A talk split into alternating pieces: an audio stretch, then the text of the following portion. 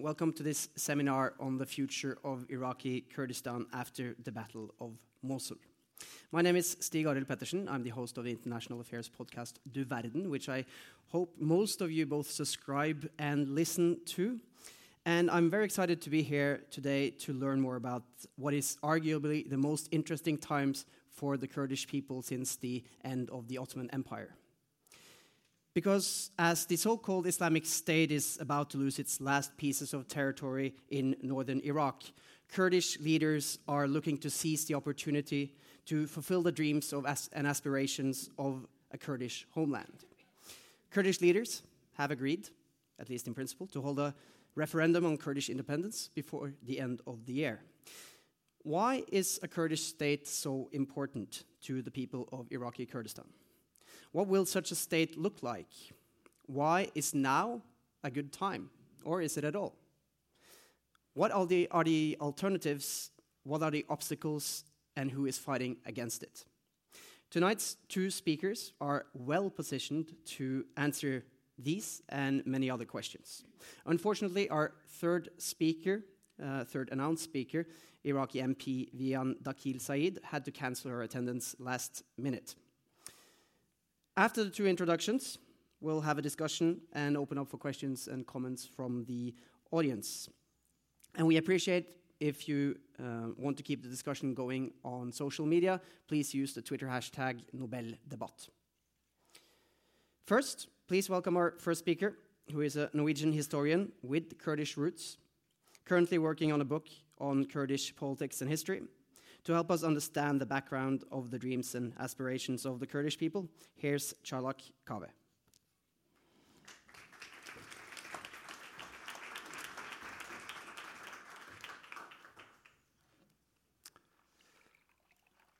Thank you very much for uh, uh, your invitation, and uh, I will also uh, welcome our guests from Kurdistan.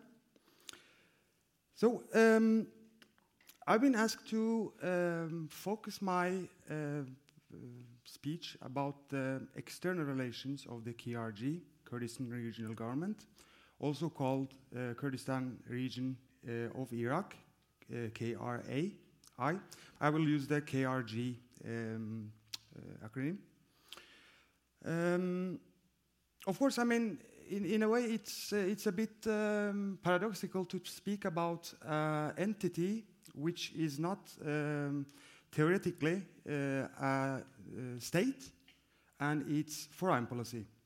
But we know that in reality, um, the Kurdistan region of uh, Iraq has been, for decades actually, uh, since 1991, uh, or you could actually argue since 19, 1980s with the Iran-Iraqi war, uh, had, uh, have had um, certain amount of in independency. And this has, of course, grown with the years. Let me see, check. Okay, so uh, Google has the answers as always. Um, this is um, this is um, uh, yeah, well, a good illustration of where people usually define Kurdistan as. There are some interesting, actually, details about this Google map, but um, I will go into that later. I wanted to just show uh, newcomers or newcomers to the to the topic um, where Kurdistan lays. uh, in this map, you see. Um, sorry, I think, yeah, I, am trying to see what, what I'm showing you.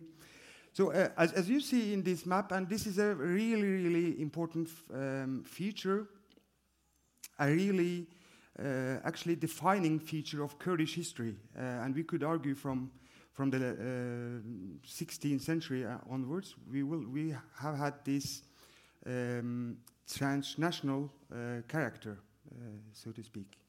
So the politics of this area be it uh, during the Ottoman Empire or the, you know, the Kurdistan um, areas which was under the, uh, the Safavids uh, and so on. Um, you know, for Poland, the, the history, there's this book about Poland's history about which says, you know, God's playground. Kurdistan, in many ways, what was um, God's playground as well, but uh, in, in, the in the meaning of the you know the Persian and the, and the Ottoman Empire. Even so, uh, in the um, in the uh, period after the uh, border wars between these two empires, you have had this buffer, you know, as, as a sense, Kurds as buffer for the Iranians, you know, towards the Ottomans and, and vice versa. Um, in many ways, I, I, I, will come back to this future, this you know trans and uh, trans uh, sorry national uh, character of this because this is very very much um, relevant to our topic. I want to show you a map which is from 1911. It's um, it was actually used during the uh, peace talks after the First World War. Um, and um, as you see, the, the Kurds are um, painted in pink, while other um, other minorities are uh, have have this other color in this map. Um, well, the demographics are not um, e are not easier to cope with. It's pretty complex uh, as it was then. Except, I mean, these yellow um, points that you see in the map. Um, the, the, mean, this, this is the Jewish, um, Jewish population, which uh, since the 1950s have mostly uh, emigrated to, to Israel. So um, this is how the Kurdistan regional map uh, looked like uh, in 1975. 1975 is an important year um, because um, what happened before 19, I mean, the, from the beginnings in 1970 to, uh, to 1975 was that Iran backed um, uh, the Shah of Iran backed uh, the Kurdish um, Kurdish uh, movement in Iraq. And uh, in 1975, this support, um, this is this is very known history to, to, to most of you, but I, I want to repeat it because it, it has to to do with our topic today. In 1975, with the, with the emergence alliance between the Iranian, Iranians and the, and, and the Iraqis, this support from Iran uh, fall apart, which made, made it really difficult for the Kurdish, um, Kurdish movement in Iraq. Something like this, this is, this is also very much illustration of this trans, uh, transnational uh, aspect. Um, something similar happened in the 1980s, when the, you know, the, the eight-long uh, war between Iran and Iraq. There also the uh, Kurdish parties represented by uh, then in the 80s Kurdistan Democratic Party and then the Patriotic Union of Kurdistan. Um, Iran supported uh, these groups, but uh, the point is that um, if you look, uh, and in Kurdish politics, this is, a, this is actually a touchy topic because if you, uh, for instance, if you as a Kurd, Kurdish movement in Iraq do cooperate with the, with the neighbor state, uh, you will often get this, um, this um, label of being a traitor, which is, this is kind of ha has this kind of a normalcy uh, in, the, in, the, in the political discussion. Um, I, I, do, I, do, not uh, defend that uh, perspective and this way of looking at it because um, no matter how you look at these uh, different Kurdish movements, they, they are not neutral and, and movable pawns, so to speak. They also have their own agenda, self-interest, which will, which they will, um, which they will um, follow. So in other words, yes, uh, part of, uh, I mean, the KDP uh, in early 80s cooperated with, uh, with Iranian forces, which um, had its consequences uh, in terms of uh, um, huge massacres of, of the Barzani um, um, tribes. And later in 86, 87, because Saddam Hussein didn't want to cooperate or didn't want to make a deal, struck a deal with the Kurds, uh, the both Kurdish parties, both PUK and KDP, um, um, did, did, did, um, did have a front, Kurdish, uh, Kurdistan, um, Kurdistan uh, front. And um, because PUK was actually uh, more critical to this uh, collaboration with Iran because they had, so to speak, more uh, hope of striking a deal with, with Baghdad. So what happens is that uh, after the 90, uh, 90, 1991 war, um, we see um, we see uh, changes in the map, of course, um, but more importantly, uh, in the 1990s, uh, I mean there is a civil war, obviously, between the KDP and, and the PUK. Uh, what becomes important, and um, from 2003, a very defining character of this area is that uh, Turkey, which is an important actor in this uh, area, Turkey starts to uh, be more active in its foreign policy. Okay? And what Iran does uh, after 2003 is also as important because they, um, uh, for them, uh, the Shia uh, Baghdadi government is very, very important for their, uh, for their goals and ambitions in the area. Um, so, if we want to like pin, pinpoint really specifically what, who the act actors is in these areas, we will have to look at uh, obviously Turkey, Iran, and also, I mean, in the first place, the local actors, which is the KDP, PUK, and the Change Movement, uh, uh Islamic uh, parties, etc. Although it is, for me, a very um, difficult task to talk about uh, foreign policy without talking about domestic policy. This is part of it, but I, I, as I said, I will focus on this on this uh, re, um, um, I mean, regional and, and also uh, foreign policy of, of the KRG and what's, uh, what's, what's important there. Um, this is um, this is Nineveh, as you see in. Um, I hope everybody sees this. so this is um, no, that's okay. That doesn't work on the screen. Anyway, this is the Nineveh governorate, uh, approximately. So there are, um, during this um, 2010s, let's say, after the uh, IS attack uh, on these areas, things changed. Um, there are this coalition um, coalition against IS, and it works so and so. Um, uh, after the IS um, defeat, um, there will be nonetheless problems uh, which, which the political actors in the area um, have, to, have to deal with. Um, I mean, there are, in these days especially, there is this uh, flag issue of Kirkuk. Um, as you know, Kirkuk uh, and other places, Bashika, Talafar, uh, uh, Sinjar, um, Shingal as it's called also in Kurdish, um, these areas are important uh, illustrations actually of what is going on. Because there are mainly two uh, political camps. Um, the Iranian-led camp, which is, uh, as I have tried to tr try to introduce, it is um, the Baghdadi central government, right? Baghdadi central government, Iran, and, and PKK. This is interesting. I will, I will come back to that.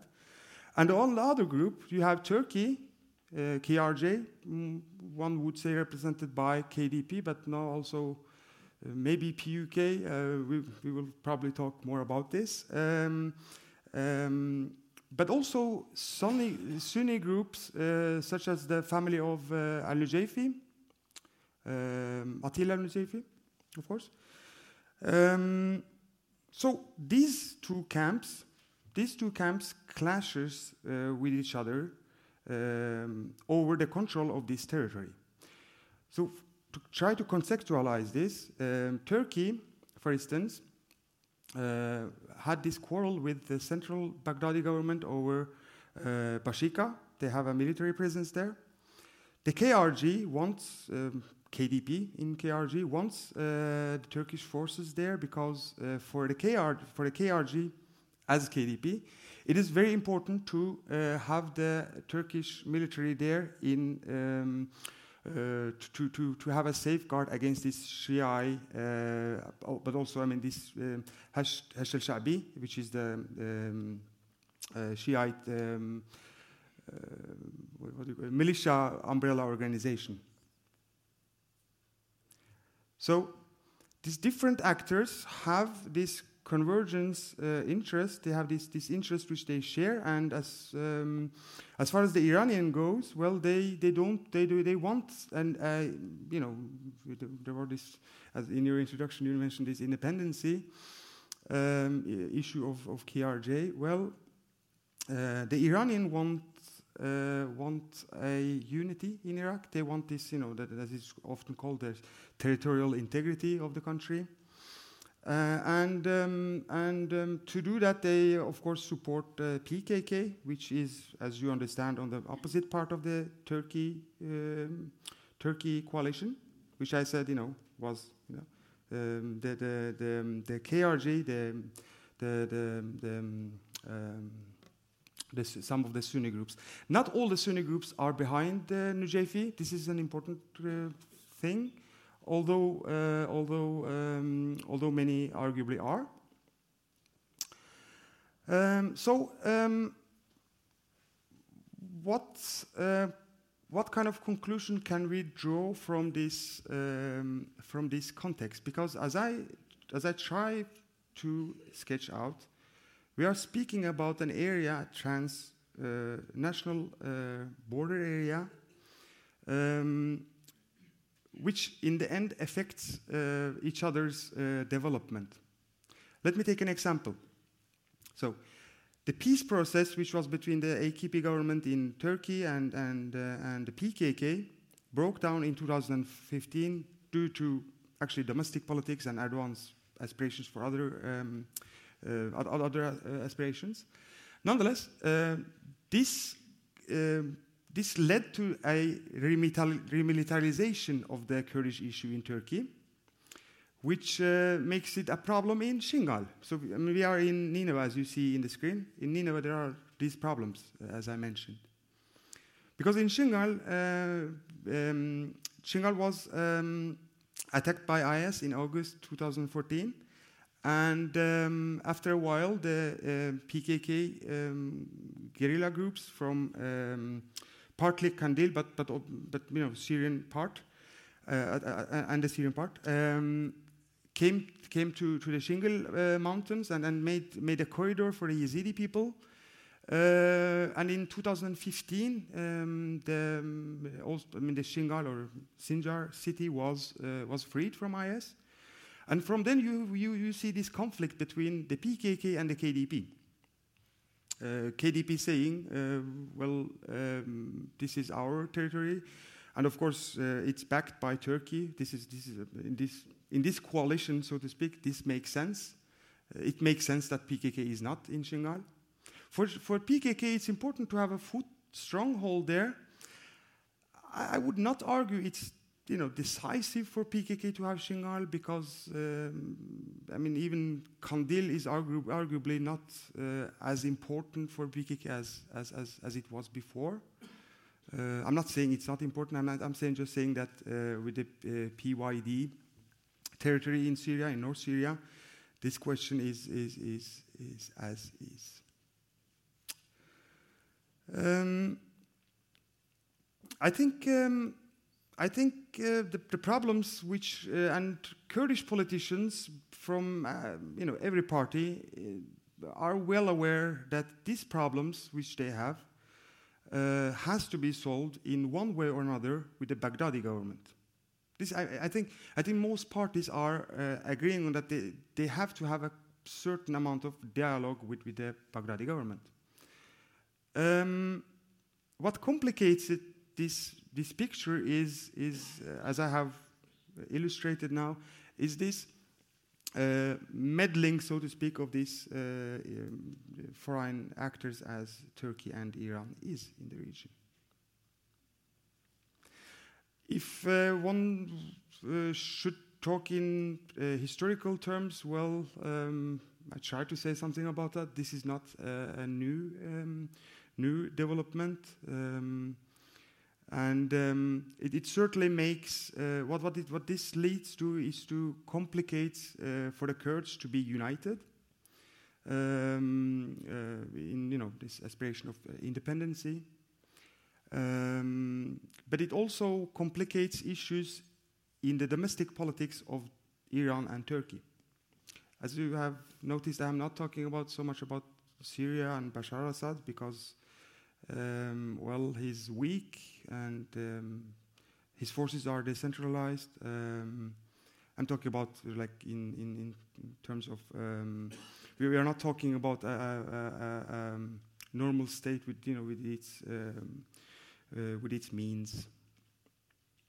I think I will stop there, and uh, I hope to discuss um, some of these issues in the panel uh, later. So, thank you for now.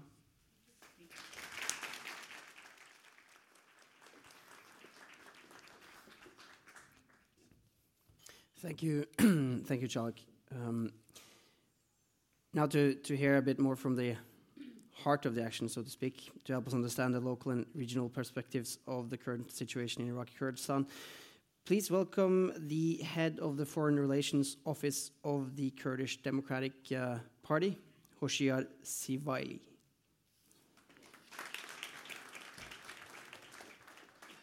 Thank you very much.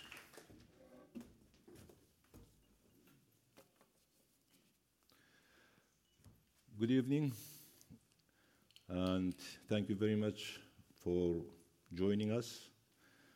I hope we will have all together uh, a fruitful discussion, uh, exchanging of views on the current situation in uh, Iraq in general and in Kurdistan uh, region in particular. But before we start, on behalf of the MP, Vian Dakhil, uh, I apologize for uh, her absence. Uh, something happened, I think, beyond her control. At the last meeting, she decided not to join this important seminar and to be uh, with us today. Uh, I would like also to thank WAKFA, World Kurdish Friendship Association, the Atlantic Committee, NATO, the Nobel Peace Center for organizing this uh, important seminar and meeting. Uh, our topic is, of course, uh, as you said, is uh, the situation of Iraqi Kurdistan or the Kurdistan region uh, after the defeat of ICE or ISIL or Daesh or too many names. But uh, let us say after ISIS, what will happen to uh, Kurdistan region, and in particular, what will happen in Mosul, where the current fighting uh, is in progress right now. But before we talk about uh, the post ISIS situation or the post ISIS scenarios, I think I would like to briefly touch upon the pre ISIS situation. Why ISIS took control, why ISIS did find support among the local people, among the Sunnis, in, especially in Mosul, but not uh, uh, in Mosul only, in, in Salah ad-Din, in Anbar, in all the Sunni uh, populated areas. I think I have, especially for Mosul, Uh, I have two main reasons. One, the issue of the disputed territories as covered by the Article 140 and part of the Mosul governorate is covered by this Article 140. These areas, these territories are disputed between, let us say, Baghdad and Erbil. And the Article 140 of the Constitution laid down a workable mechanism to solve this issue through normalization of the situation. It's not only in, uh, of course, Kirkuk. In uh, Mosul, in Kirkuk area, we have again, again large areas which is covered by Article 140, and in Diyala uh, and in other areas. So the Constitution laid down a clear mechanism of handling and solving this uh, dispute normalization, census, and referendum. Our main, well, I'll, I'll come to it probably later, our main disagreement with Baghdad, our main tension with Baghdad is over this 140 article, or the Article 140, which over the past 13 years we tried every possible means with Baghdad to implement this article. And so far, they have failed. So the issue of the disputed territories remained until ISIS came and took over almost all of these areas. The second reason for rising ISIS, for uh, finding the support from the grassroots, is the exclusion of the Sunnis. The Iraqi government, especially during the uh, former uh, Prime Minister Nouri al-Maliki, tried every dirty tricks with the Sunnis. Sunnis were excluded from uh, sharing power, from the power sharing in Baghdad. They were put a under a lot of pressure from the mainstream Shias, and they were in a position that they had, in my opinion, uh, find ISIS as the only rescue from the Shia dominated government. And these two uh, factors created a situation where ISIS came from Syria to Mosul. The Iraqi army did not and could not put up a fight. They did not shoot one single bullet against the ISIS face. They, they left the area. In addition to that, it's not only the physical evacuation of, of, of the area, they hand over heavy weaponry. They handed over about 1,700 armored vehicles, including tanks, including Humvees from the Iraqi army, and heavy artillery to ISIS.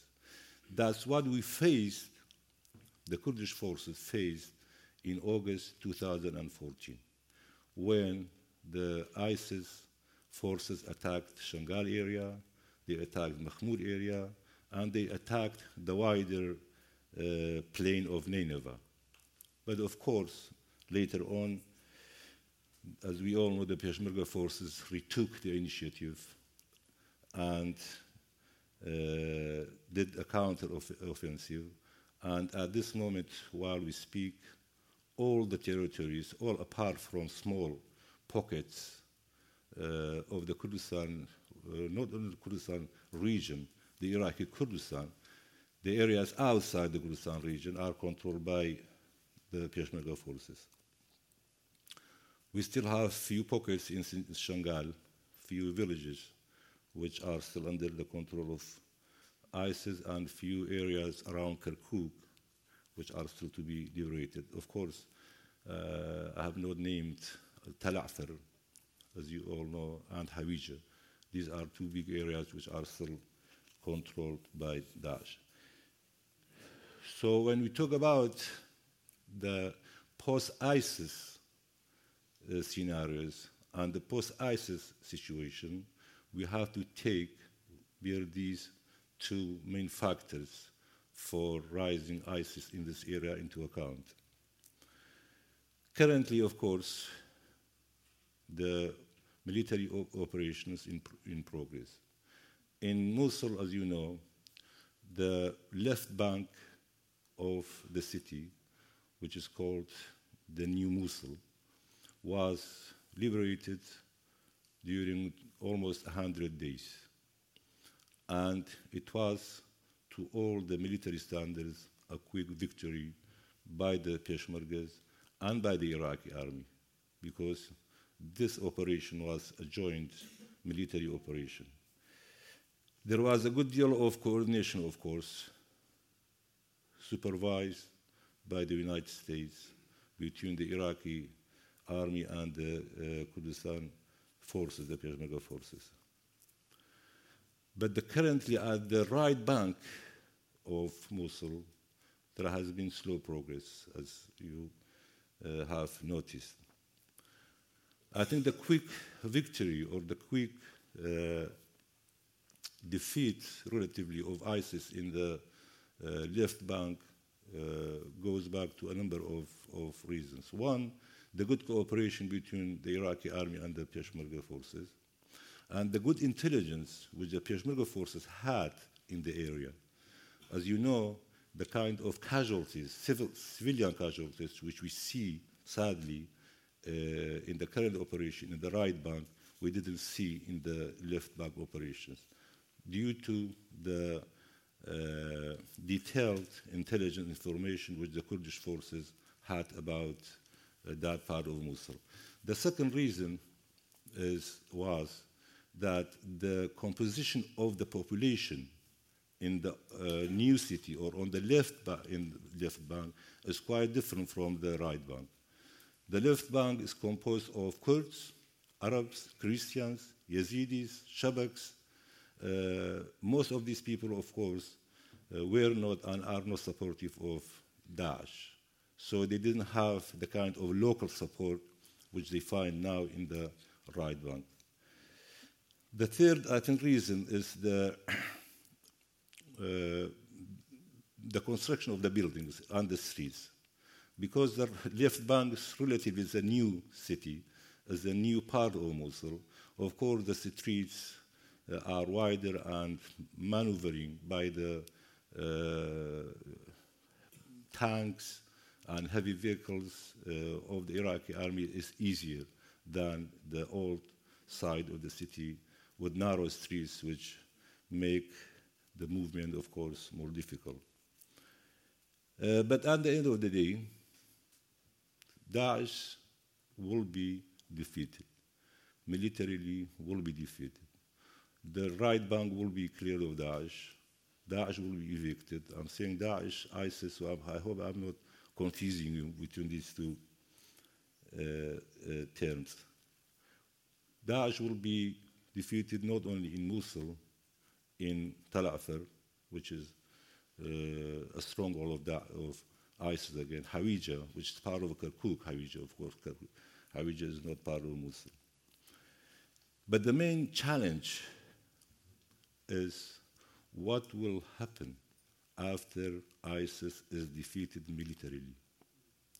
Whether the same conditions which led to the rise of Daesh, of ISIS, in, in these areas, mainly in the Sunni populated areas, will remain, or there will be credible and wise plans to resolve these issues. Uh, during the fight with Daesh, probably it's, it's again uh, a well known fact, Peshmergas have sacrificed around 1,700 uh, Peshmergas to clarify, to, to evict and defeat Daesh in these areas, which was mainly uh, controlled previously by the Iraqi army. Uh, the number of wounded during these operations reached around 12,000 uh, people. So it costed a lot of deal, costed blood uh, to defeat Daesh in the areas where the Peshmergas now operate and exist. The current situation has its uh, Chalak did uh, touch upon this issue briefly. It has local, regional, and international dynamics. The local players are numerous. The local interests are huge, is huge.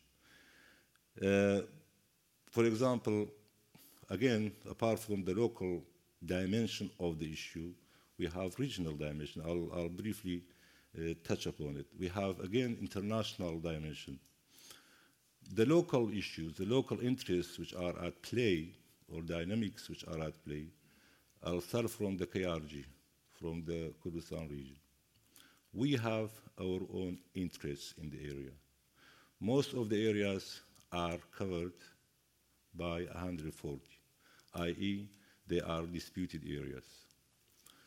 While most of these disputed areas were cleared and liberated by the Peshmerga forces, and the Peshmerga forces made huge sacrifices to evict Daesh from these areas, we are not ready to leave these areas.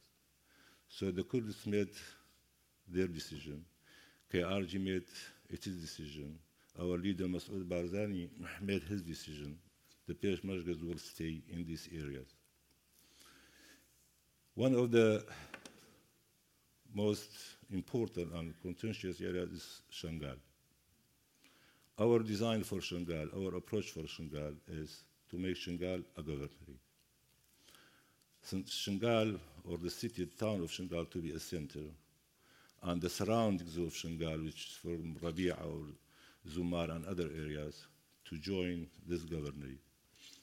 Then to ask the people whether they want to, this governorate to join Kurdistan region or whether they want to join the federal state, the federal Iran.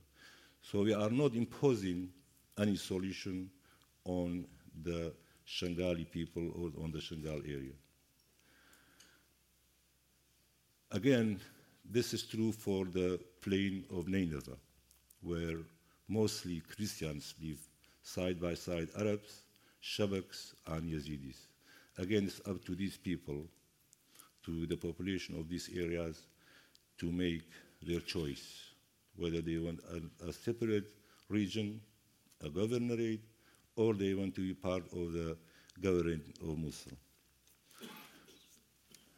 Chalak mentioned PKK, mentioned PKK. PKK again has an interest.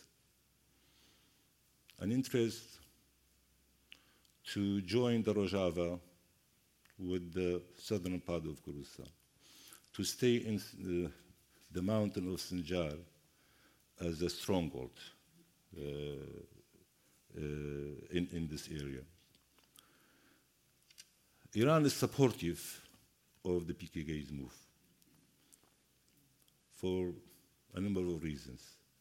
Mentioning two, Iran, which I'll come to it when uh, I come to the regional dynamics of it, has an interest and has a project and a design to create a link between Iran and Syria. And the current and previous plan was this corridor to go through Sinjar or Shangal.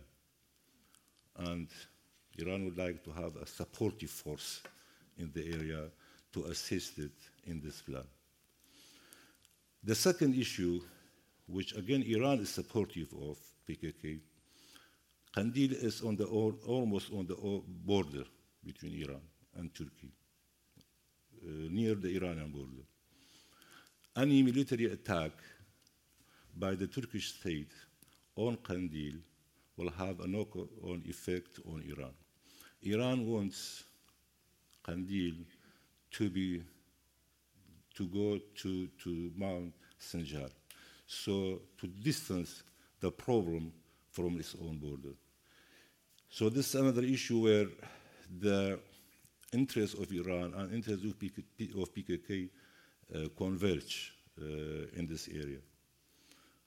It's not only PKK or KDP or KR, there are other players. Sunnis, as you mentioned, uh, we call them Al Nujaifi or the household of Nujaifi.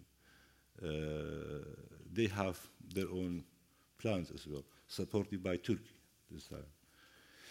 They want to make Mosul, or the current government of Mosul, a separate region, controlled by the uh, family or by the, the Sunni uh, political parties. Uh, Turkey, as I said, uh, support them in this. Other other other other local uh, components have again different designs. As I mentioned, the Christians have their own agenda. Although they are not unified, because there are numerous Christian parties, they are not unified on one approach. But most of them, they like Nineveh or the plain of Nineveh, where do they exist mainly to become a governorate. And this governorate to join the Kurdistan region in the future. Of course, there are parties, or Christian parties have different views, but the mainstream of the Christian parties have this view. The Turkmen, again, especially the Turkmen or Turkmen of Talafar, have a design. Turkey have a different design for Tal Afar. Tal Afar, as you might know, um, they are all Muslims, uh, Turkmen, but they are divided between Sunnis and Shias. Only almost, I think, 50-50, or uh, a bit different from 50-50 between Shias and Sunnis. Uh, for example, Turkey wants to make Tal Afar a governorate, controlled by the Sunnis. Iran wants to make Tal Afar a governorate, controlled by the Shias. Coming back to the regional, Iran, I mentioned briefly, has a great design for the region, for the Mosul governorate, as you know, has a great design for Iraq as well, the whole of Iraq. But specifically for Mosul, it's important for Iran to make a corridor linking Syria and, and Iran. And mainly this corridor goes through uh, parts of the governorate of Mosul. There are, there are different routes now uh, being discussed, even the Iranian side do talk about, but either this route or this corridor go through Shingal or go, through uh, other parts of Mosul. For example, through Hawija, if you, I don't have the map, uh, and there is an area called Hadar, then go to the border between Iraq and Syria. There are different schemes, different design, different proposals, but the bulk of it, Iran has a uh, design and has a plan for this area. That's why in this part of Mosul, in the Hawija area, uh, in the Tal Afar area, and around it, mainly the Hashd al-Sha'bi are operating.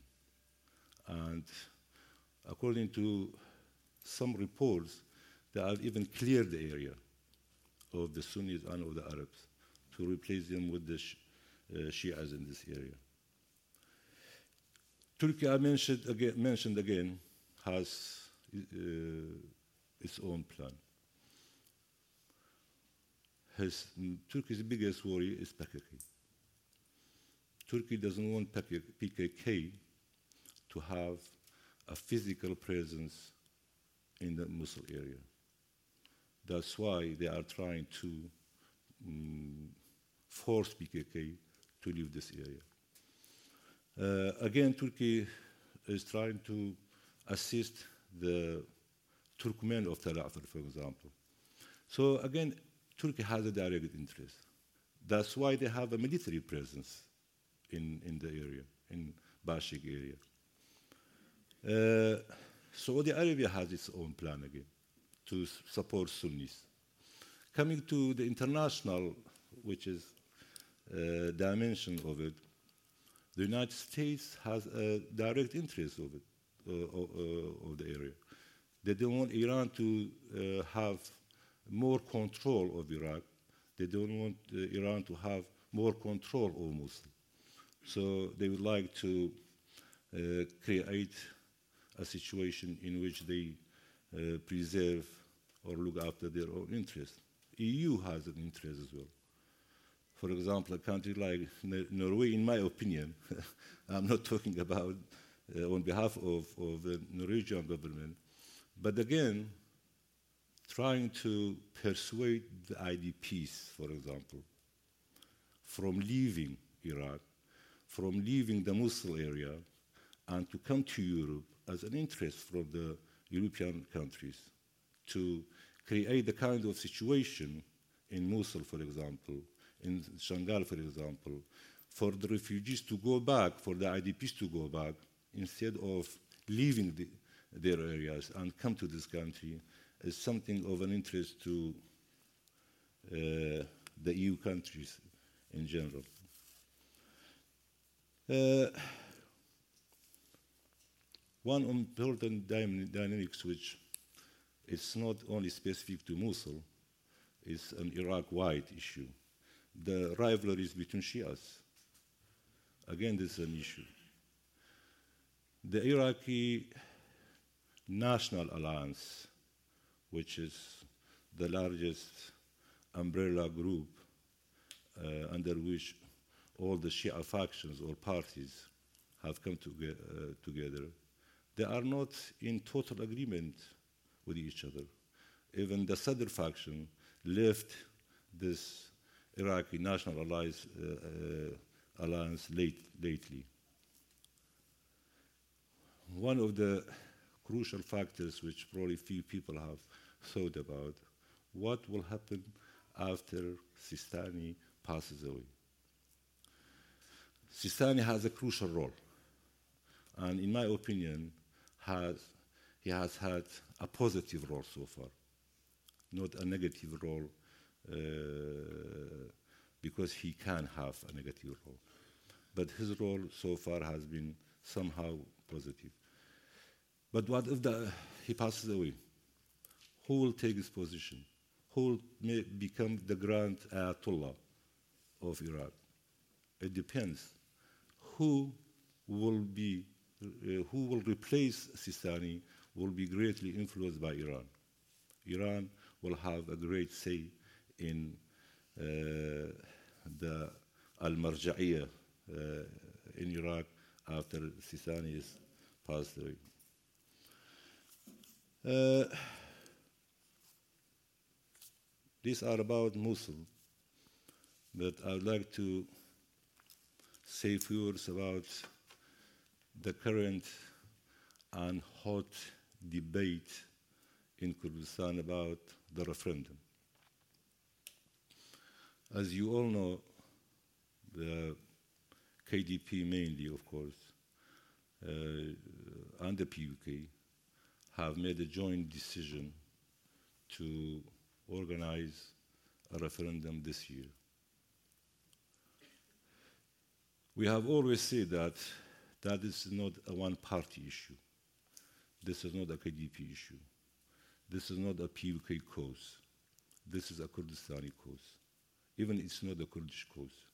It is the cause of the, Kurdish, the people who live in Kurdistan. Kurds, even Arabs, uh, Christians, Yazidis.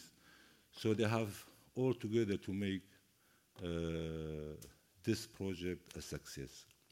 That's why KDP has joined forces with PUK to persuade the other political parties to come on board and to form different committees to discuss this issue. Two main committees, one to discuss the technical issues of holding and organizing referendum. The second, to talk to Baghdad. As Chalak said, rightly, uh, our intention, our plan is to have an open and peaceful dialogue with Baghdad over this issue. Because referendum is done, is held for independence. Uh, if the outcome is yes, so the next move will be uh, forming an independent state in Kurdistan. When, how long after the referendum, it's open. It depends. But certainly, it's for uh, forming an independent state. So for that, we have to have a constructive discussion, dialogue uh, with Baghdad to persuade our friends with Baghdad that the current arrangement between Erbil and Baghdad has not worked, does not work, and will not work in the future. We have a history of 100 years together, starting from First World War until now. What we have gained from living together with our Arab brothers and sisters in Iraq. 8,000 Barzanis were massacred. Just mention few. 12,000 Faili Kurds were killed and deported to Iran. 5,000 Kurds were killed in Halabja in a few minutes, let's say. 120,000 Kurds were buried alive during the Anfal operation. So what we have tried to gain, what we have tried to work out with that has not been successful. So we have to look for a different model, a different model to live with Iraq in a peaceful way, but as two neighbors, as two countries, not as two divided, one divided nation within the current boundaries. We hope that the referendum will be successful and we will try uh, or all our best efforts to enter into constructive dialogue with Baghdad and to make this dream alive, the dream of independence, the dream of Kurdistan to become an independent country. You all know the Kurds are the only nation in the world without a state. A nation of 40 millions uh, has been denied the basic rights, which is having a state of its own. Uh, I think it's a time to change this reality, especially for the Kurds in Iraq. The time is right. Many people ask, why now? In our opinion, the time is right and we are in a better position than in any time in our history. 95 of Kurdistan is under the control of Peshmergas. Most of these areas were liberated by blood. We have a great deal of support from the international community. Okay, we don't have any formal endorsement for independence, but that doesn't mean they are against independence. We haven't had any country apart from the regional powers uh, who clearly uh, express their views that they are against independence. We haven't heard a single Arab country during this campaign for referendum. That's very important, even in, in the Arab countries, who clearly say that they are against the referendum. So the time has changed. This is a historic moment, a historic opportunity. We might miss, if we don't utilize this opportunity, we might miss this opportunity as we have missed money in the past. So we hope, with the help of the people of Kurdistan, with the help of our friends uh, like you, uh, to be able to push our case forward and Kurdistan to become independent in the uh, near future. Thank you very much.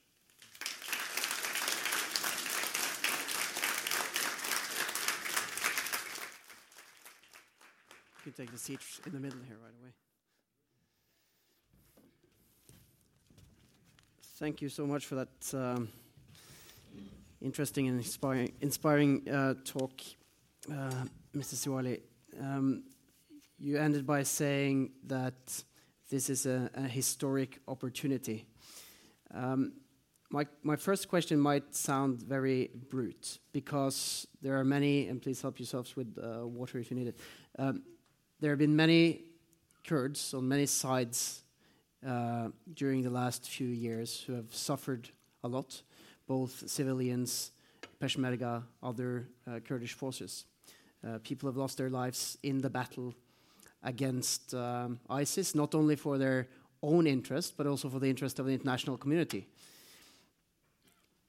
But can the um, can the emergence of ISIS uh, and the situation that uh, came to be in northern Iraq during these uh, last uh, three or four years, in an historical perspective, uh, become a blessing for the Kurdish people in the sense that this created the opportunity, uh, both internationally and locally, to create a Kurdish state? Well, that's a good question. I put it the other way. It's not that Daesh or ISIS has created the situation. It's the bravery of the Peshmergas and the resilience and the fight uh, of the Kurdish people, of the people of Kurdistan who has created the situation. Uh, we made uh, many sacrifices, as I said. Uh, Kurdistan has gone through very difficult times. When Daesh, when ISIS attacked Kurdistan in 2014, we Kurdistan just started going through uh, deep economic and financial uh, recessions. Uh, and I, one, one uh, uh, issue which I forgot to mention, while we were fighting the, ISIS, while we had and still have this financial difficulties and crisis, we were receiving thousands, hundreds of thousands of IDPs.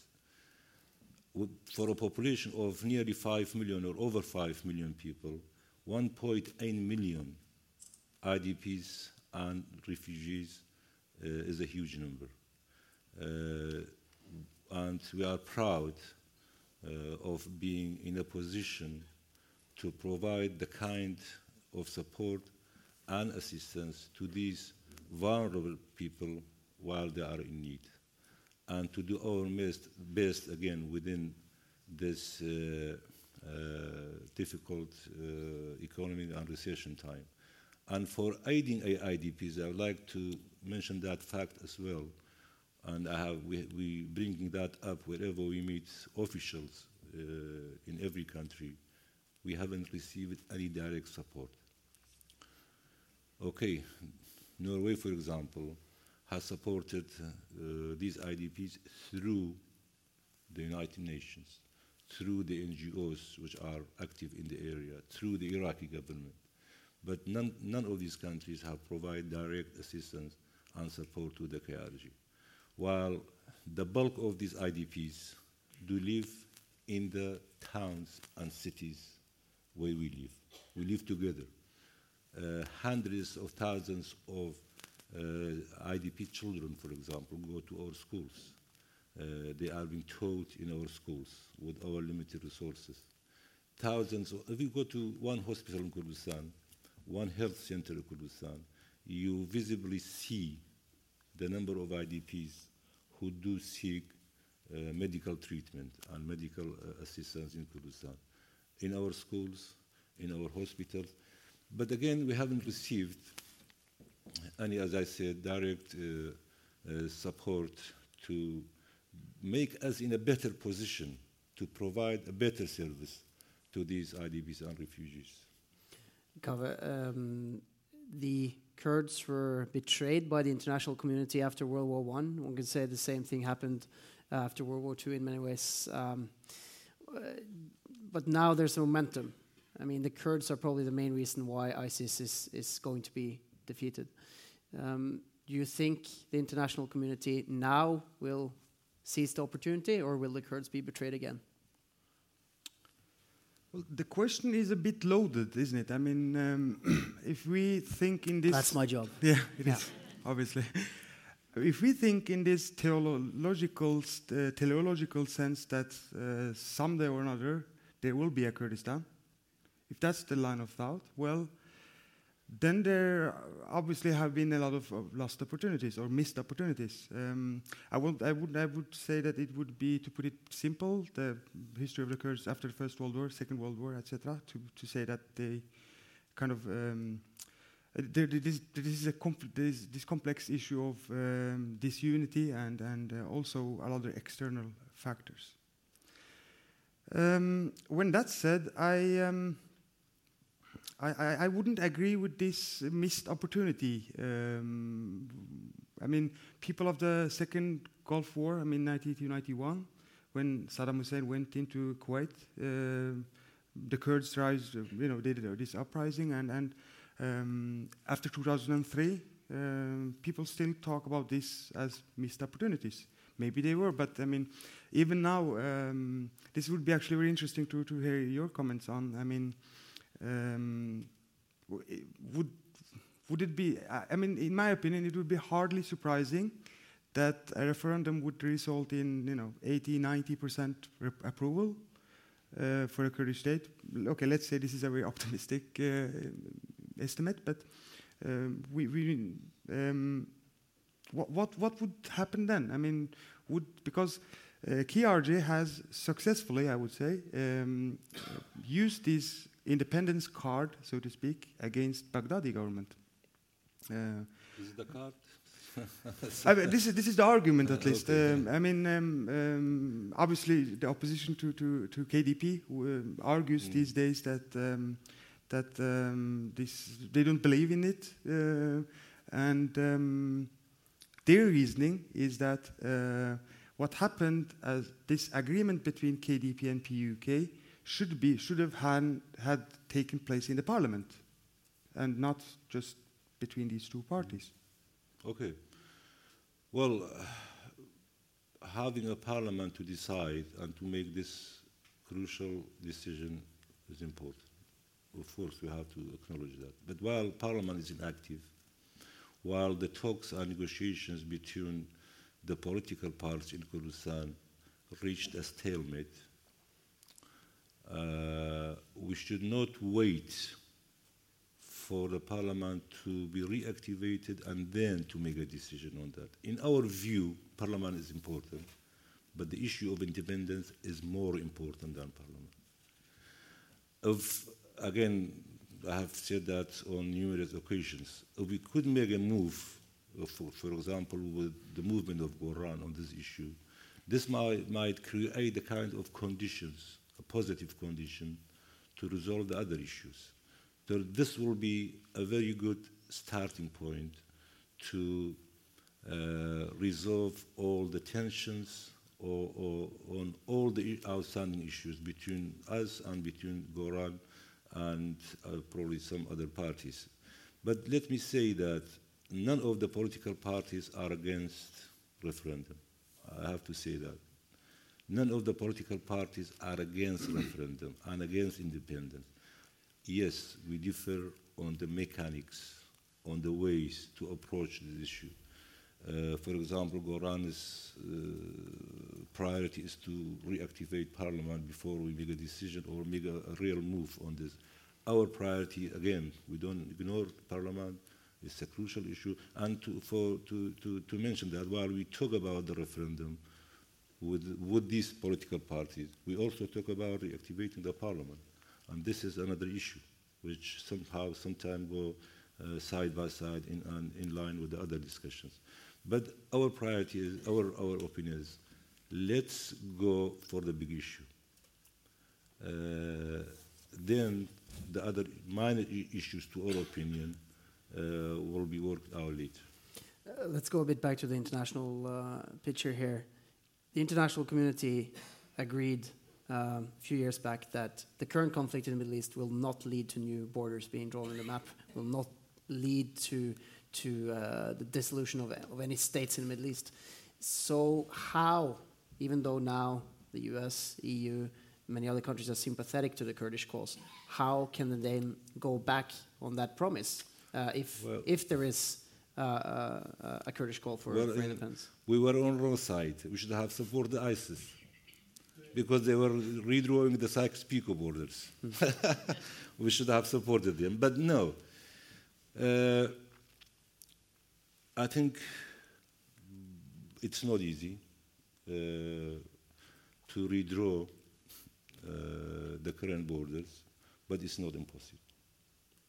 It was impossible, it was a dream in 1992 for the Kurdish people in Iraq to organize an election, to elect a parliament, and to form a KRG. It was impossible, almost impossible. It was a dream at that time. Turkey was against us. Iran was explicitly against. Iraq at that time was against us. And they, Syria, and they had uh, meetings together, almost monthly meetings or quarterly meetings between themselves how to contain this issue, how to combat this uh, fight, this uh, federalism in, in part or in, in Iraq Kurdistan. They didn't succeed. We are not, again, I'm, I'm, we are not venturing uh, with the future of our people, as President Barzani has said so many on so many occasions. We are taking risks. We are ready, prepared to take risks, but we are not adventuring with the future of, of, of our people. There are risks, of course, uh, associated with this move, uh, but we don't see the risk from the international community. We don't see the threat from the international community. Probably some neighbors, and, and, Iraq as well, might create difficult times for us, might not uh, make things easy for us. But again, if not now, when? How long? Shall we wait another 100 years to create the ideal situation in which we create our state and uh, form our state? There will never be an ideal situation. There will never be. The, always there will be problems and, and we cannot create this ideal situation. Kaveh, how do you see this being internationally feasible? Uh, I mean, as it was mentioned, uh, I mean, I, I, agree that the regional context is, is more important than international, as you said in, in your talk. Um, when it comes uh, to this issue of, I mean, um, Abadi said um, yesterday or the day before, actually, that uh, to, to declare independence uh, for, for, for, for, the Kurds, uh, for the Kurds to in, uh, to aspire their own yes, state, yes, yes. To, to, decide um, their own future. It's their natural right, yeah. he said, which is, uh, you know, kind of but a... now is not the right time. Yes, exactly. And well, at least oh, it's a very good development anyway. uh, because Do you believe him? Do you believe that he actually means this? This is the no, Iraqi no, prime minister, for those who didn't catch no, it's, it's not believing him or not, it's the new reality.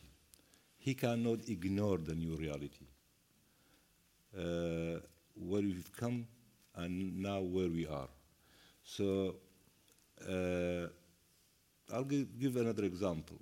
When we started export, exporting our oil, when DNO was in Kurdistan, nobody believed that we will be able to export our oil. Okay? And the Iraqi side did everything legally, politically, and even cutting our budget deprived the people of Kurdistan of their right of having monthly salaries.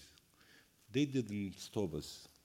We export our oil, and we are heading towards a kind of economic independence, which is a crucial step towards political independence. Let's talk more about the economy, but I'm sorry I interrupted you, uh, Colin. Yeah, but, um, um, well, the economy, I mean, it's important as well in, in, this, in these issues. I mean, um, the issue of oil, um, and um, we have to somehow see rationally at this alliance between Turkey and, and KDP, uh, or let's say KRG. In, in the context of oil, I mean, Turkey is actually the sole uh, corridor for, for, for um, KRG to, to export its oils uh, from Ceyhan.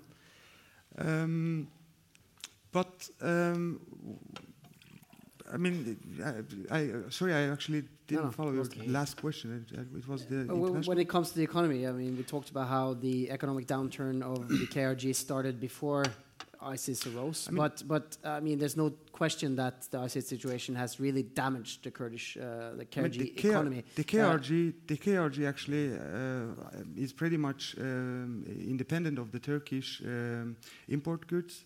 Uh, technology, um, a bit uh, of know-how. Um, uh, but also, I mean, there, there is, when, when, we're talking about this economic um, um, economic relationships, we have to also bear in mind that Iran and Turkey they have a really good uh, trade um, relationship. I mean, even when the international community had these sanctions against Iran and you know the oil, uh, Turkey bought oil and, and, and gas. Uh, and in 2014, 2015, we are talking about 14 billions uh, of trade. So they are very important for, for each other. However, this does not mean that Iran and Turkey, as I also have said earlier, have uh, equal security and um, security and uh, yeah, security aspiration uh, or political aspiration for these uh, areas. So they, actually, I, am I'm, I'm very curious about. Uh, we we should have had a representative from uh, PUK to um, explain um, the relationship with Iran. I mean, would you say anything about that? I mean, not to talk for them, but. Do you have any PUK here to talk about this? no. No, I'm not talking about this indeed. Uh, they have their own relations with Iran, and of course, the influence of Iran is uh, almost obvious in the Sulaimani region, uh, but it's up to them to view uh, their own relations with, with Iran. But I'm coming to the realities. I was a minister of electricity from 2006 until 2000 and end of 2009. In 2006, we didn't have one single generation station in our region. And that's the kind of attitude which the Baghdad government during uh, Saddam Hussein's era took towards Kurdistan, depriving Kurdistan economically, depriving Kurdistan from the real infrastructure, including electricity. Even I had discussions with my counterpart in Baghdad at that time. I said we will build our own electricity uh, generation stations. How could you manage this? How could you manage uh, electricity generations? How could our grid was part of, let's call the national grid, and they cut the electricity from us. They didn't give us electricity, so they put us in a situation we had to look uh, after ourselves to build our own infrastructure. Now we have not one, many uh, power generation stations in, in Kurdistan. We didn't have our own transmission lines. I'm talking about the thing which I have uh, experienced personally. Things are difficult. The road is no rosy. We all know that. Risks are associated with it. But we have to be independent sometime. We cannot, the Kurds cannot live uh, this forever, like this forever.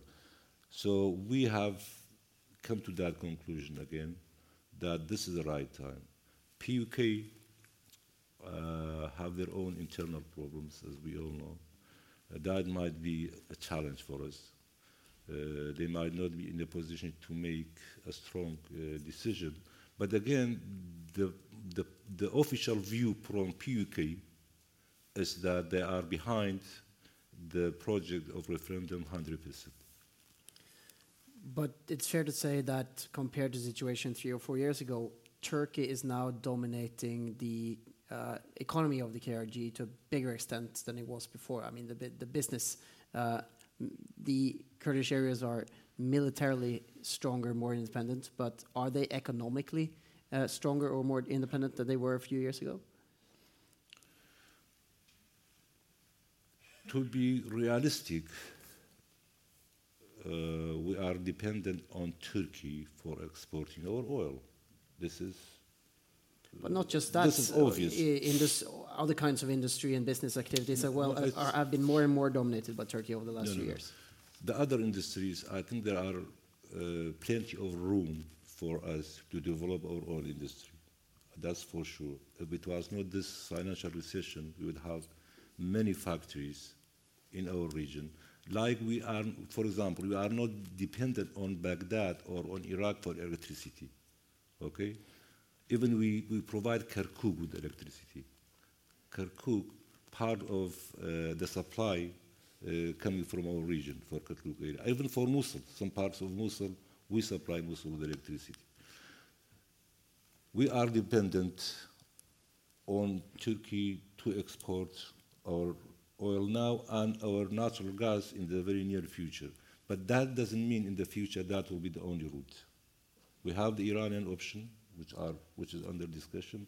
Hopefully, a regime will take over in Syria with whom we can talk and have a third route as well. Again, we are in discussion with Baghdad to have this peaceful separation. Again, Baghdad is another route. For, uh, currently, yes, but that doesn't mean that the situation will uh, remain in the future as it is. I want to open up for questions and comments from the audience soon, but I want to ask uh, first um, how do you think President Erdogan will react the day that uh, the KRG uh, announces its uh, independence? A good question. I have heard that question. What will be Erdogan's position and attitude towards KRG after the Turkish referendum. My answer was and is Turkey is in a bad shape economically, as we all know, but Turkey has planned to develop its infrastructure, to develop its economy, and as Erdogan said on many occasions that he wants Turkey to become a very strong uh, country and state uh, during his presidency. For that, Turkey needs energy. And energy, the supply of energy, oil and gas, for Turkey is coming from three sources from Iran, from Russia, and from KRG. None of these two players are, uh, Turkey cannot depend on these two uh, providers of energy, neither Iran, neither uh, nor Turkey, nor Russia. So I think the only probably remaining reliable source of energy uh, will remain the Kurdistan region. And for that, that reason, uh, I think Turkish relations with uh, KRG uh, will be positive, accord, including the issue of referendum and independence. Kaveh, do you think that's too optimistic? No, I, I, I, don't think Turkey or uh, let's say Erdogan would um, would um, be open to the idea. I mean, in the end, they are actually allies. Uh, I mean, the, the they, they, they share a lot of, um, for instance, in Tal Afar, uh, in other places, the, the threat which KRG feels about the HDSHB and, and, and, and these kind of uh, militia organizations, there they share, you know, this uh, common common uh, front. And, but also, I mean, more importantly, um, PKK and KDP, they are not, you know, at the best terms. Um, um, so, so this this this um, this kind of common uh, grounds uh, makes it uh, easy. But I mean, for for some years ago, it would be totally unimaginable for. Um, for uh, the, Tur the Turkish government, have you know, host, host what? Uh, to have a flag in, yeah, exactly. in, in, the in the Ataturk airport. Which is, I mean, it's, it's a big deal. Ataturk airport. Ataturk has its own historic and symbolic uh, position to, uh, regarding the Kurds. Uh, so they raised the flag of Kurdistan. Some say that's a tactical move, uh, but it's a development. It's a change, uh, change from the, the, Turkish side position. Even in the in the, in the, the palace, in the presidential palace, they raised the I mean, also, I mean, you have always had this, you know, bad Kurds, good Kurds. Um, in uh, in Erdogan's view, for instance, the Kurdish National Council, which is the Syrian umbrella organization, uh, um, you know, they are they are pretty much in in in in, in quarrel with the PYD. Uh, but the thing is, I mean, Erdogan and KRG, KRG obviously trains uh, had trained three, four thousand of these, their um, their um, uh, um, guerrilla or uh, yeah um, soldiers. Uh, what do yes, I don't. Peshmerga, yeah, but yeah, okay. So guerrilla Peshmergas. Um, uh, so, so I mean, Erdogan actually, I, I, don't think Erdogan would oppose a Kurdistan National Council supported by KRG operating from North Syria. But when PYD does it, because it's uh, of its more or less, you know, loose um, um, affiliation with the PKK, that's a problem. This is a problem, and that's. I mean, for, for, for Turkey. Yeah, and the PYD's position, and that's a problem. And I know even the United States has urged and asked PYG to distance itself from PKK. And again, we have the same position. We have nothing against uh, uh, this group and any other political parties in it, we, what we ask, to come under, uh, to, to resist the pressure from PKK, okay? Not to become part of P, the PKK, because PKK has a different agenda. Otherwise, we, there, there is room for cooperation and, and good relations with uh, all the political parties uh, in Rojava or in Syria. But even, I mean, that, that, that is true. In, the, in I think in, in, in, in uh, meaning well and all that, but and ideally, but also there is, I mean, to this border from Syria to, to Iraq, there's, I mean, this, uh, what do you call it, this uh, hindrance in uh, actually uh, crossing the border. Mm. I'm not talking about Shingal, obviously, which is different, but the border area con- controlled by KDP. I'm, I'm going before we get too technical here now. I'm going to move to the audience, uh, open up for questions. And I'm, I'm known to be pretty rough on people who try to hold speeches. So I'm going to don't even try. I'm going to cut you off. Uh, please uh, stand up and uh, and introduce yourselves. And we have the first one here with a question for the panel. Hi, my, my name is Vincent Ball. I'm here from the Republicans Abroad, Norway. We are friends with the with the um, the Kurdish uh, Friendship Association. I would just be interested on an international level. What would the ideal? What could the international community do for you today that would serve purposes for you to be able to move forward in what you're looking to do? Brilliant question. So let's both frame it uh, for the US and Norway specifically, but uh, as you like. Uh, well, thank you very much. Two levels. I'm talking about two levels. If, if the intention is to mend relations with Baghdad, the current relations with Baghdad, i.e., to pressure Baghdad to implement the constitution, I think the international community, uh, the European Union, the United States can do a lot to pressurize Iraq to do its part, to respect the constitution. I briefly talked about the, the issues outstanding between us as far as the constitution is concerned. Article 140, uh, revenue sharing, and there are many. The, on the level of independence, we would like the international community to support us when we declare our independence. And of course, with the last 30 years of history here in Norway, we, we, we, uh, we become, uh, we, we get a suspicion when a man like you comes here to, to Norway, if there are any talks with the, with the government to get support here for, for any, you know, any process. We did, uh, we did have a meeting today and we uh, requested the same thing to get, to get support from the, the government of Norway. We don't, and what course, was the answer? You only have to tell me. The answer was, as expected, neither no nor yes. That's a good sign. Which is a good sign. We have another question over here. Please stand up and introduce yourself. Beklager, jeg stiller min spørsmål på norsk. Yeah, I will Er translate. det greit? Yeah. Eh, La presere- jeg er så glad som eh, deltar i en uh, verdifull seminar. Eh, jeg er ikke flink så i matematikk. Hvis jeg regner godt fra den dagen som Kurdistan blir delt i Sykes-Picot-taken til nå, det er mer enn én million mistet livet. I, bare i irakiske Kurdistan. Det, hvis man regner de andre delene der. Helt forferdelig. Ja, min spørsmål Ja, men jeg vil si en eksempel. Det er en ting I løpet av eh, 30 år seks ganger kurdere blir utsatt for folkemord, genocide. En av største av dem er anfall. Åt- 882 000.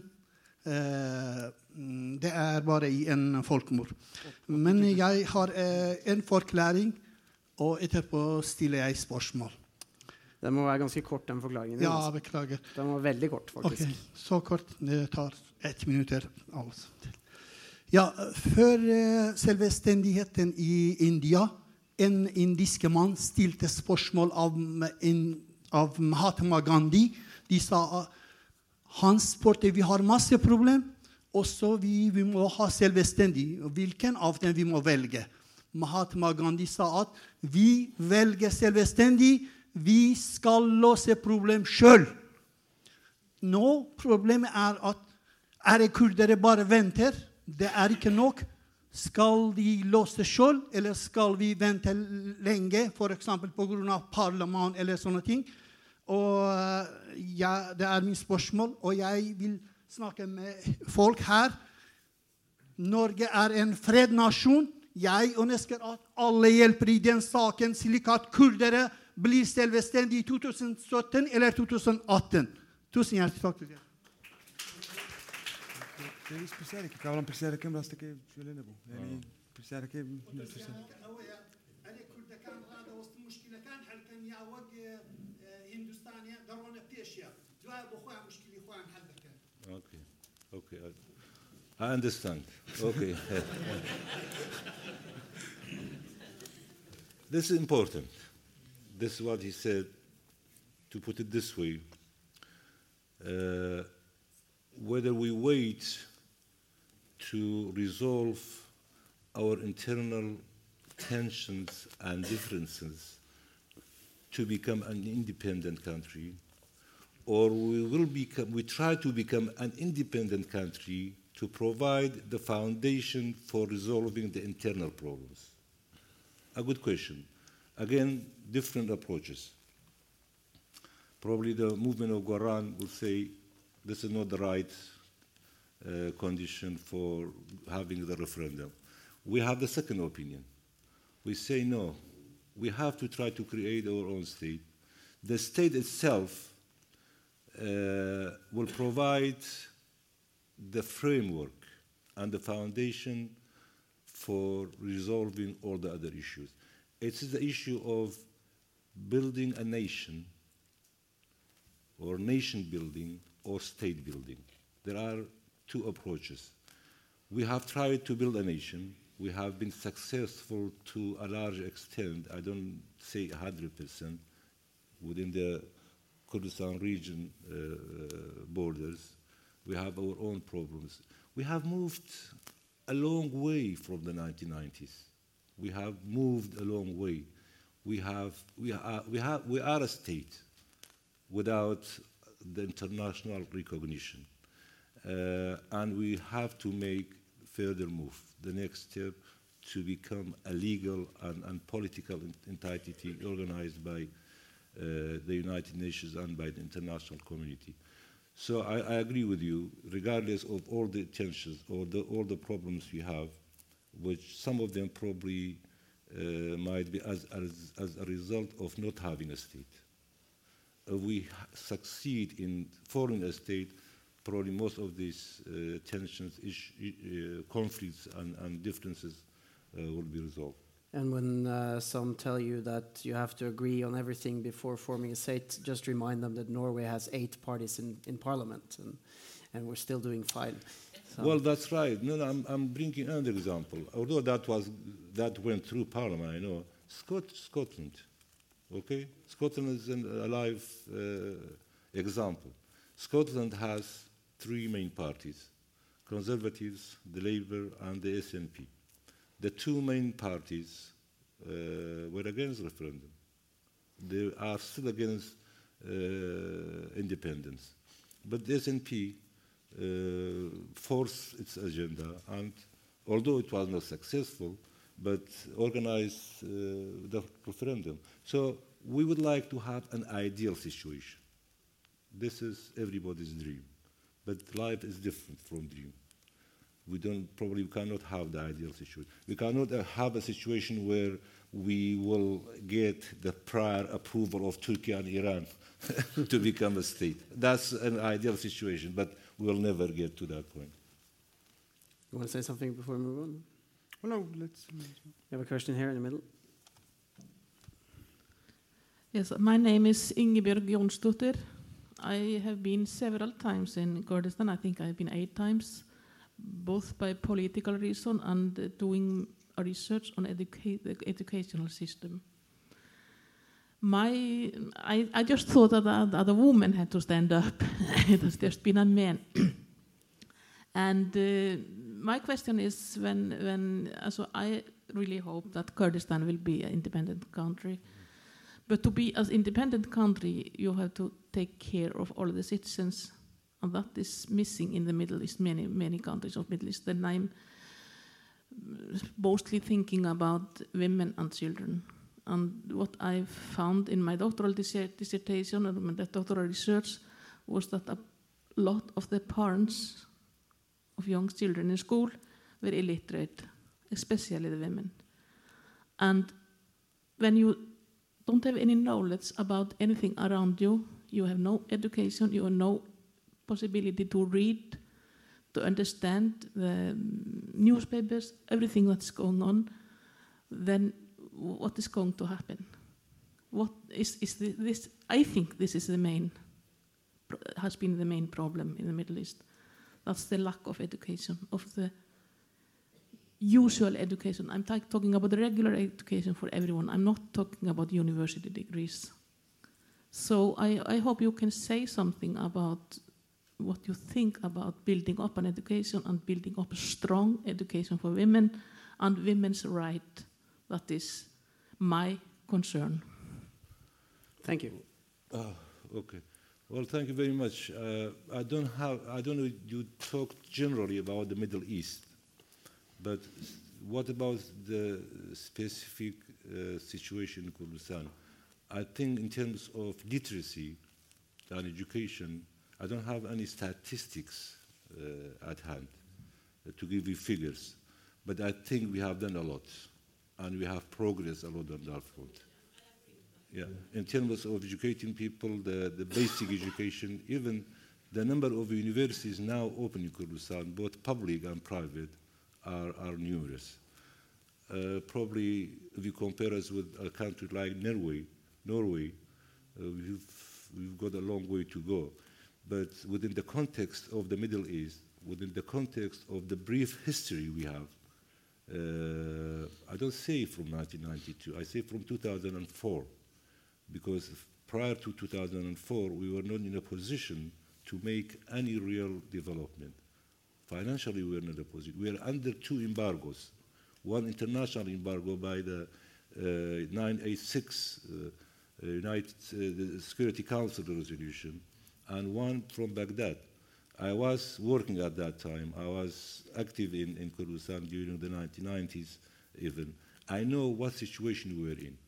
So when I'm talking about development, I have always said that we have to start from 2004. So from 2004 up, up, up, to now, see Kurdistan what has happened, regardless of the current difficulties, of course, we have, regardless of the mismanagement, I have to say, regardless of the errors we have made during the process of uh, governance and during the process of development, I think we have done a lot. Education uh, is, is one of the areas which we have progressed. Again, coming back to the electricity, 95% of all the villages in Kurdistan are supplied with electricity. 95 of all the villages which we can reach. But again, don't forget, 550 villages on the border areas. Turkey, Iraq, let's say, Iran, Iraq, where, which we cannot reach because of the presence of the PKK. I don't say we have reached these villages, but the villages which are under our control, 95%, which is a good standard of rural areas, uh, have electricity and have, have uh, power. Uh, when we as foreigners read about uh, Kurdistan the, and, and this, the Western sympathy towards the Kurdish people, so to say, uh, we always re read about the, the female Peshmerga, the, the, the women, uh, uh, female Kurdish forces, uh, uh, and, uh, and um, you know, the Kurdish liberal um, attitude towards uh, women's rights. Uh, compared, I mean, relative Yeah. to the rest of the region, of course, um, and and uh, the more democratic leaning institutions compare also compared to to many other areas of the region. Is that something you would say that the uh, the KR, um, KRG and and the Kurds in in Iraq want? Do they want to have this position, this this beacon of of, of liberal values comparatively in the Middle East? And, and do they see that it's an important way to, to gain support from, from the West? Uh, exactly. I think one of the important assets which we have, and one of the important assets which we share with the West, uh, is these values democracy, respect for human rights, which we have proved on the ground, coexistence with the other minorities and religious and religious minorities. See Kurdistan, Christians are not happy in Iraq. Christians do find happiness in Kurdistan. And many, many, many of these Christian people who fled uh, the ISIS onslaught uh, came to Kurdistan and they are staying there and they are happy. Uh, even the other minorities are well respected in Kurdistan. But on that note, before we go to the next question, there are many Sunni Arabs that now have lived in this terror uh, state of ISIS, but they still fear what will come under Kurdish rule. Um, there, there's, I mean, there's no question that also Kurdish uh, forces have uh, committed atrocities now in when they are taking over new areas. Uh, so, is this picture that you're painting as as easy and, and rose red as you were trying to, to say right now? I don't have detailed information, but again, I don't deny uh, isolated cases. Uh, it might have happened, personal revenge. When, when a Yazidi Kurd is slaughtered by his or her Arab neighbor, what do you expect from? It's individual, it's isolated. It's not the policy of the Peshmerga forces, it's not the policy of the uh, KRG. This might have uh, happened uh, on very, I, again, I don't have information, but if it has happened, uh, it is very rare. Uh, but But this fear exists in many areas. What, what can the KRG and the Peshmerga do to build, Okay. to build trust now with the Sunni Arabs in these mixed, especially these mixed areas? If assisting 1.5 million Sunni Arabs in Kurdistan does not make a case for the good intentions of the KRG, I think the others might not be. We have one, uh, what we, we about, I, I think I said, I mentioned probably 1.8 million people took refuge in the KRG areas, in Kurdistan areas. And among these, probably around 300 or less were from, Turkey, from Syria. 1.5 million, the Arab Sunnis, the Sunni Arabs, who were, I don't say again, all of them, but probably few of them or some of them were active during the Saddam Hussein era. And our society is so tolerant. Have you heard of any incident towards these uh, IDP Arabs who've come to our region? No, the Kurds have opened their arms and they have done the best they could to assist these Arabs. So again, it's true for, for, for the tensions which arise in, in the areas. We are not creating these tensions. Probably Iraq or the, the central government have a role in it. Kare? Yeah, well, I, I would agree with your um, kind of nuance uh, of saying relatively, because I mean, obviously, um, what um, what um, is distinct about the Kurdish political uh, life, uh, so to speak, in KRG, is that um, the politics are not uh, driven out of religious reasons. So, so in other words, the, the politics are uh, secularized. This is very important. Um, so, but when that said, I mean, obviously KRG also have problems, you know, with, I mean, violence against women, um, all, all the sorts of problems with, you know, uh, I mean, relatively, sometimes one get the feeling that uh, KRG is actually better when it comes to freedom ex- of expression than Turkey is, you know. Uh, but even there, I mean, there are problems, you know, uh, TV channels not uh, being able to broadcast from, from uh, Erbil, which is not a problem now, but it was. Um, so, so this, um, but yeah, I mean, this, do you have this liberal, um, liberal element of this Kurdish policy? Yes. Next question here. My name is uh, Muhammad Al Mufti. I am originally from Mosul, and I came back from Mosul for ta- 10 uh, days ago. And I want to ask uh, you a question. I wish uh, the program leader explained to you. I cannot speak English very well. Oh, it's perfect. Eh, Det var et måte møte i Genéve med sunnigrupper i regi av amerikanere. Og De kalte den til et hemmelig møte, men det var ikke det. Fordi det kommer et nytt møte i Istanbul etter det. Og første, i det første måte det var eks-guvernøren og nåværende guvernøren fra Mosul. Og de ble ikke enige der. Og så det blir ikke enige i den andre måten å opprette en stor gruppe i, som representerer sunni-muslimer. Så jeg lurte på hva som skjer hvis amerikanere klarer ikke å finne personer blant de politikere som eksisterer i dag. Hva kommer til å skje i området? Fordi de mente, Amerikanerne mente i dette måten at de trenger en stor gruppe for å stå imot alle de andre eh, gruppene som strider og vil ha sine interesser i Mosul og Mosul og meg. Takk. Snakker du nå innen, innen uh, altså sunni-arabiske representanter? Nettopp. Eller? Ok, Nettopp. Det var et møte i Genéve, og det var sunni-muslimer som var der.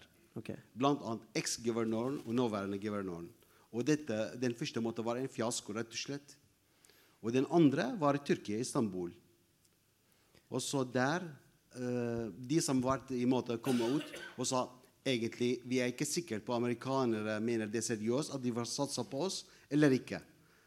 Fordi amerikanerne var ikke overbevist på den teorien som alle representerte der.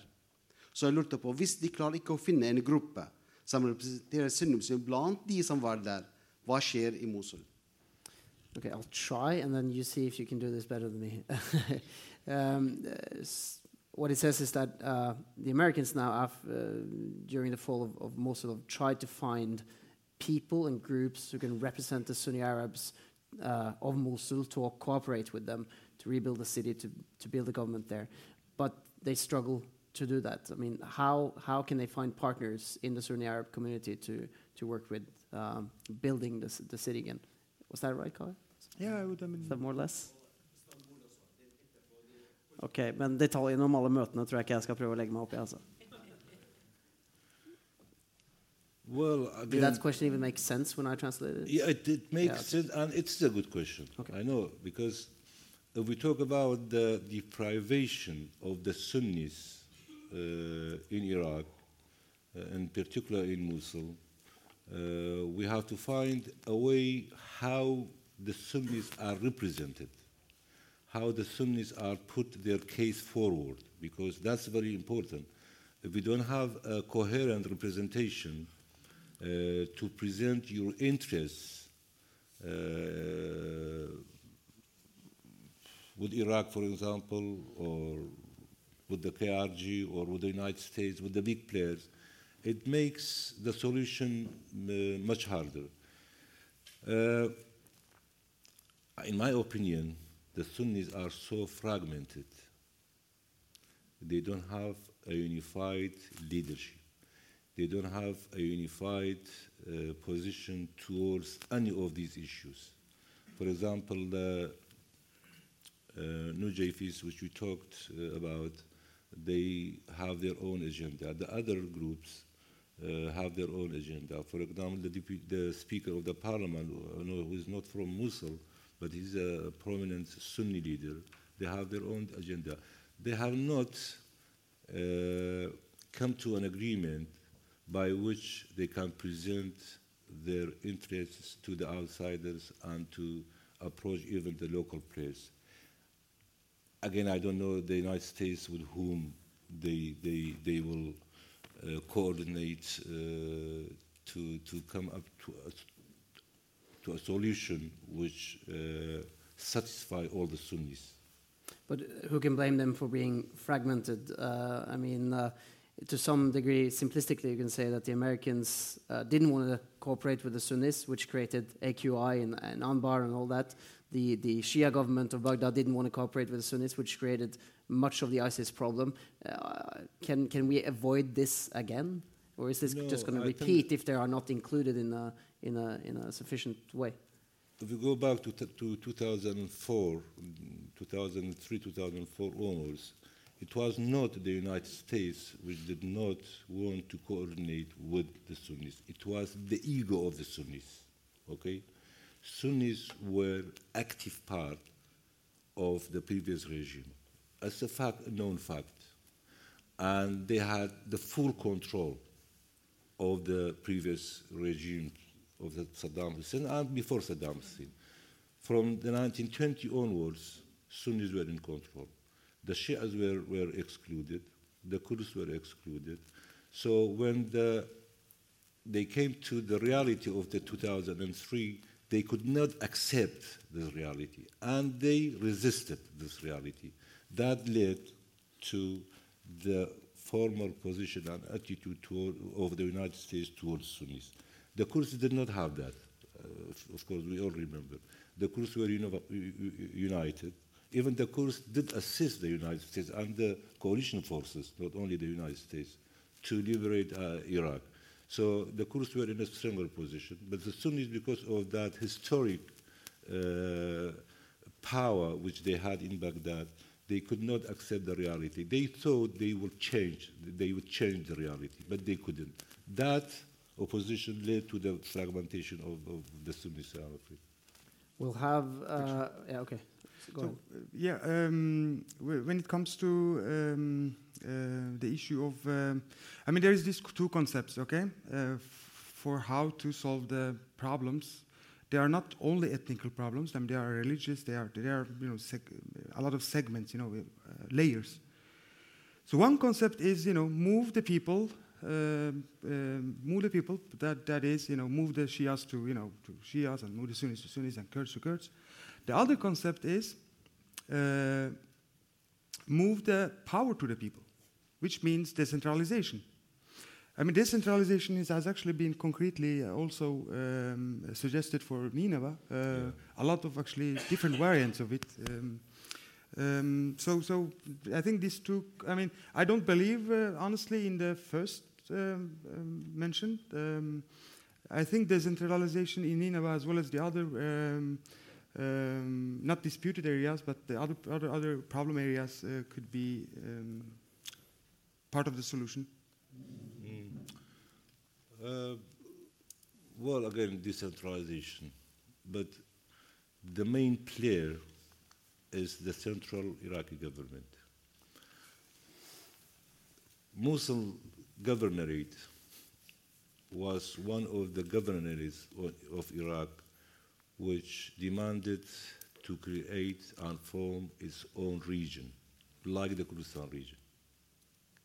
Because everyone in Iraq was so keen to duplicate the experience of Kurdistan region that even if they, they were resisting that before, they came to terms and demanded the Iraqi government to create their own, even Basra, even Basra, and some other Sunni governorates.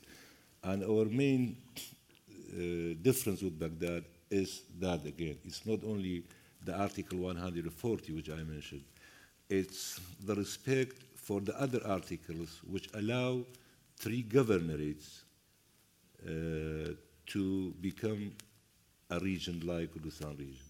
The Iraqi central government resisted that all the way.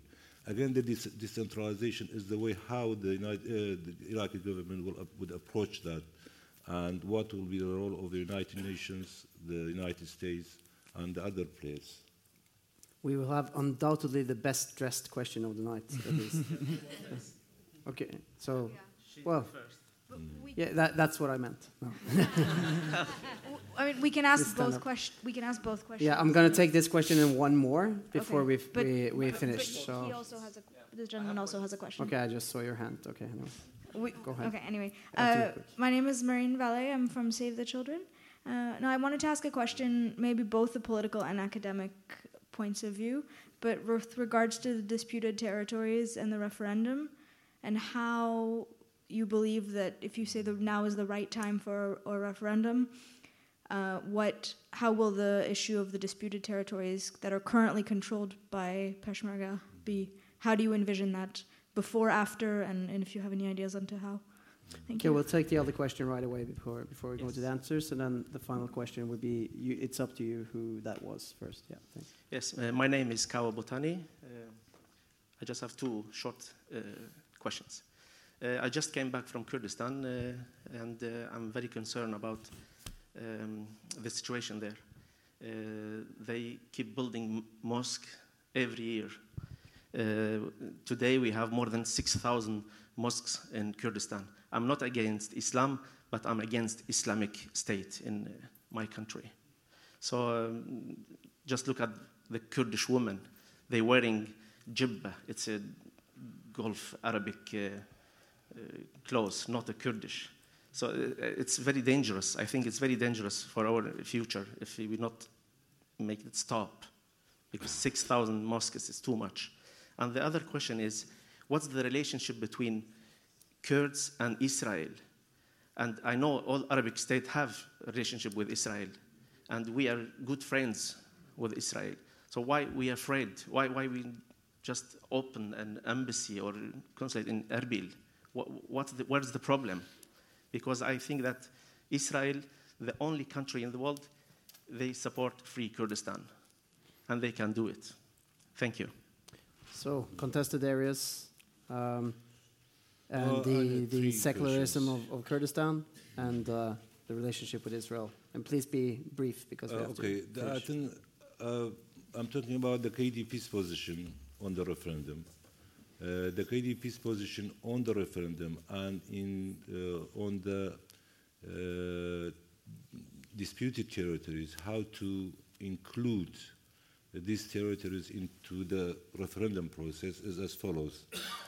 We have to give the people of these areas the freedom of uh, expression of their will.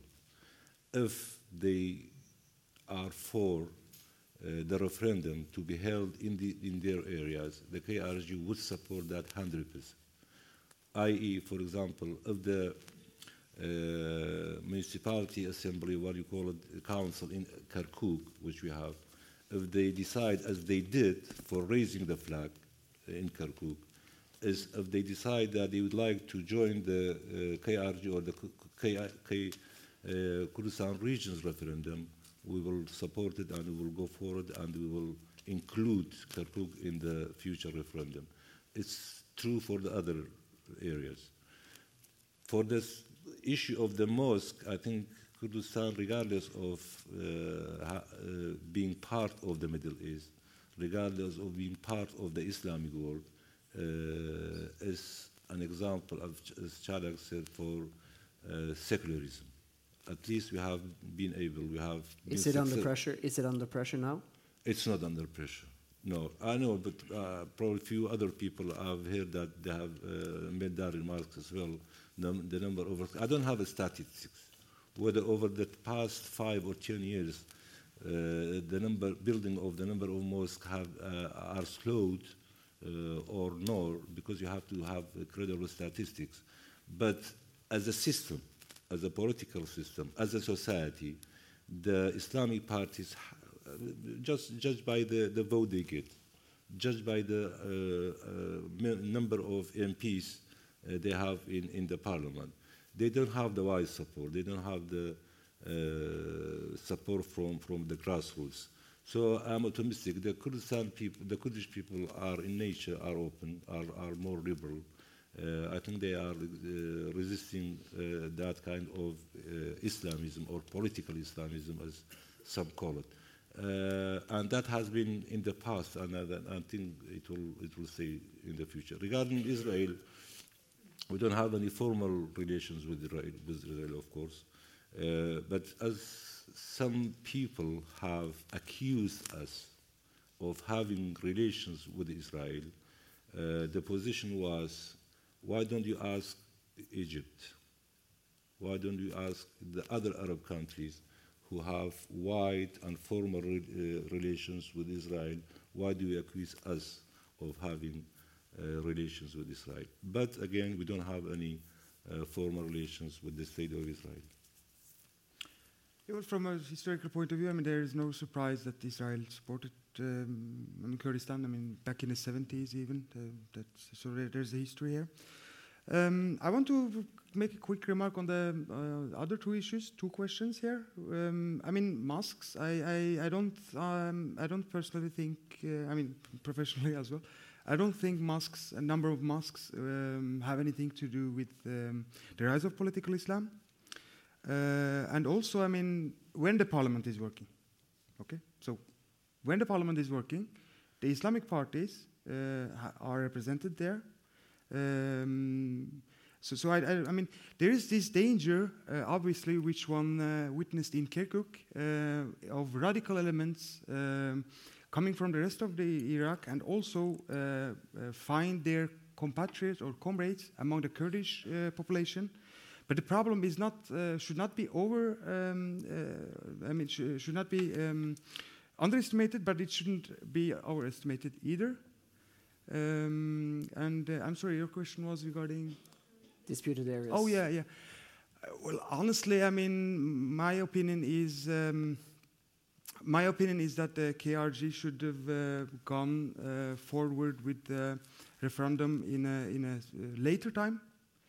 Uh, the reason for that is the parliament, which we have obviously discussed. Uh, but the other reason is that the Kurds are in a position where they judicially, according to Iraqi constitution of, of 2005, in the, in, the, in the, Constitution, they have uh, this Article of 140. It states very clearly that uh, um, during 2007, this problem of the disputed areas should be solved, which is not the case uh, either. So that, I mean, that in, in, on the one hand, yeah, that's, that makes a great excuse for the Kurds to, oh, you didn't do as we uh, had the deal about, so we're making you know, our own state. On the other hand, though, I mean, um, I think it's easier to solve the problems if they are so solvable with Baghdad.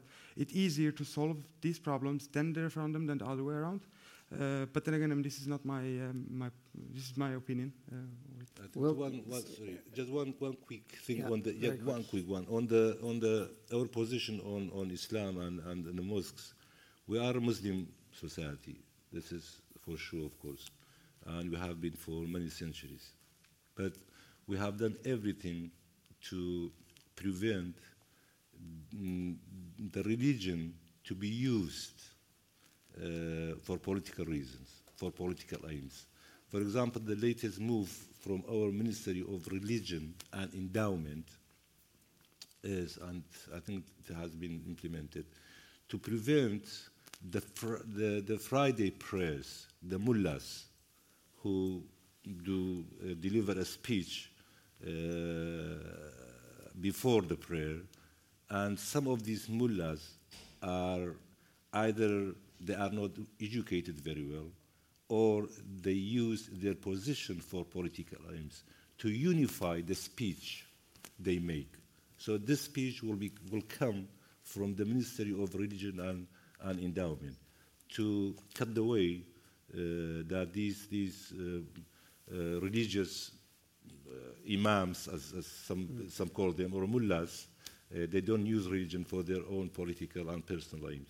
Let's take the last question, which I for once hope is a comment, actually. Uh, it's from Sverre Lodgaard, please. Uh, thank you. Yes. It's uh, late in the day, yeah. but since nobody else made mention of it, the US administration is certainly no reformist one. It doesn't shy away from discontinuities. It may choose to uh, live with the nuclear deal with Iran, but it is currently mobilizing very strongly against uh, Iranian regional ambitions. In a sense, tapping into the Saudi agenda in that, in that sense. And as you noted, the Saudis and um, the Arabs have not been saying anything of recent on the question of uh, Kurdish uh, independence. My point is, uh, it should be no surprise to any of you if someday soon the US administration would come forward uh, supporting Kurdish independence as an element uh, in its uh, efforts to constrain Iran. Having said that, um, it still remains my impression that um, despite all their political differences, when push comes to shove, uh, Iran and Turkey uh, would join hands in, uh, in opposing uh, Kurdish uh, uh, independence. And I say that especially remembering recent conversations in, in Iran on, this, on this question. I think many Iranians trust it will be that way. Thank you. Thank you. Sverre Lodgaard. Um, You'll stay around, I guess. Um, i think I'll, I'll, we'll finish there, and uh, I'll uh, just uh, leave it to Secretary General of the Norwegian Atlantic Committee, Kate Hansen Bundt, to, uh, to say a final uh, thank you. Thank you very much. Um, on behalf of the three organizers, I would like to thank each and one of you for a very good discussion, for enlightening us on a very difficult issue, for sharing your hopes, your doubts, uh, and uh, dreams about the future. Uh, I think you all have deserved the Nobel Peace Prize. Unfortunately, I just have them in chocolate, but I have one for each and one of you. Thank you, Thank Mr. you very Suarez. much. Thank you. Thank you.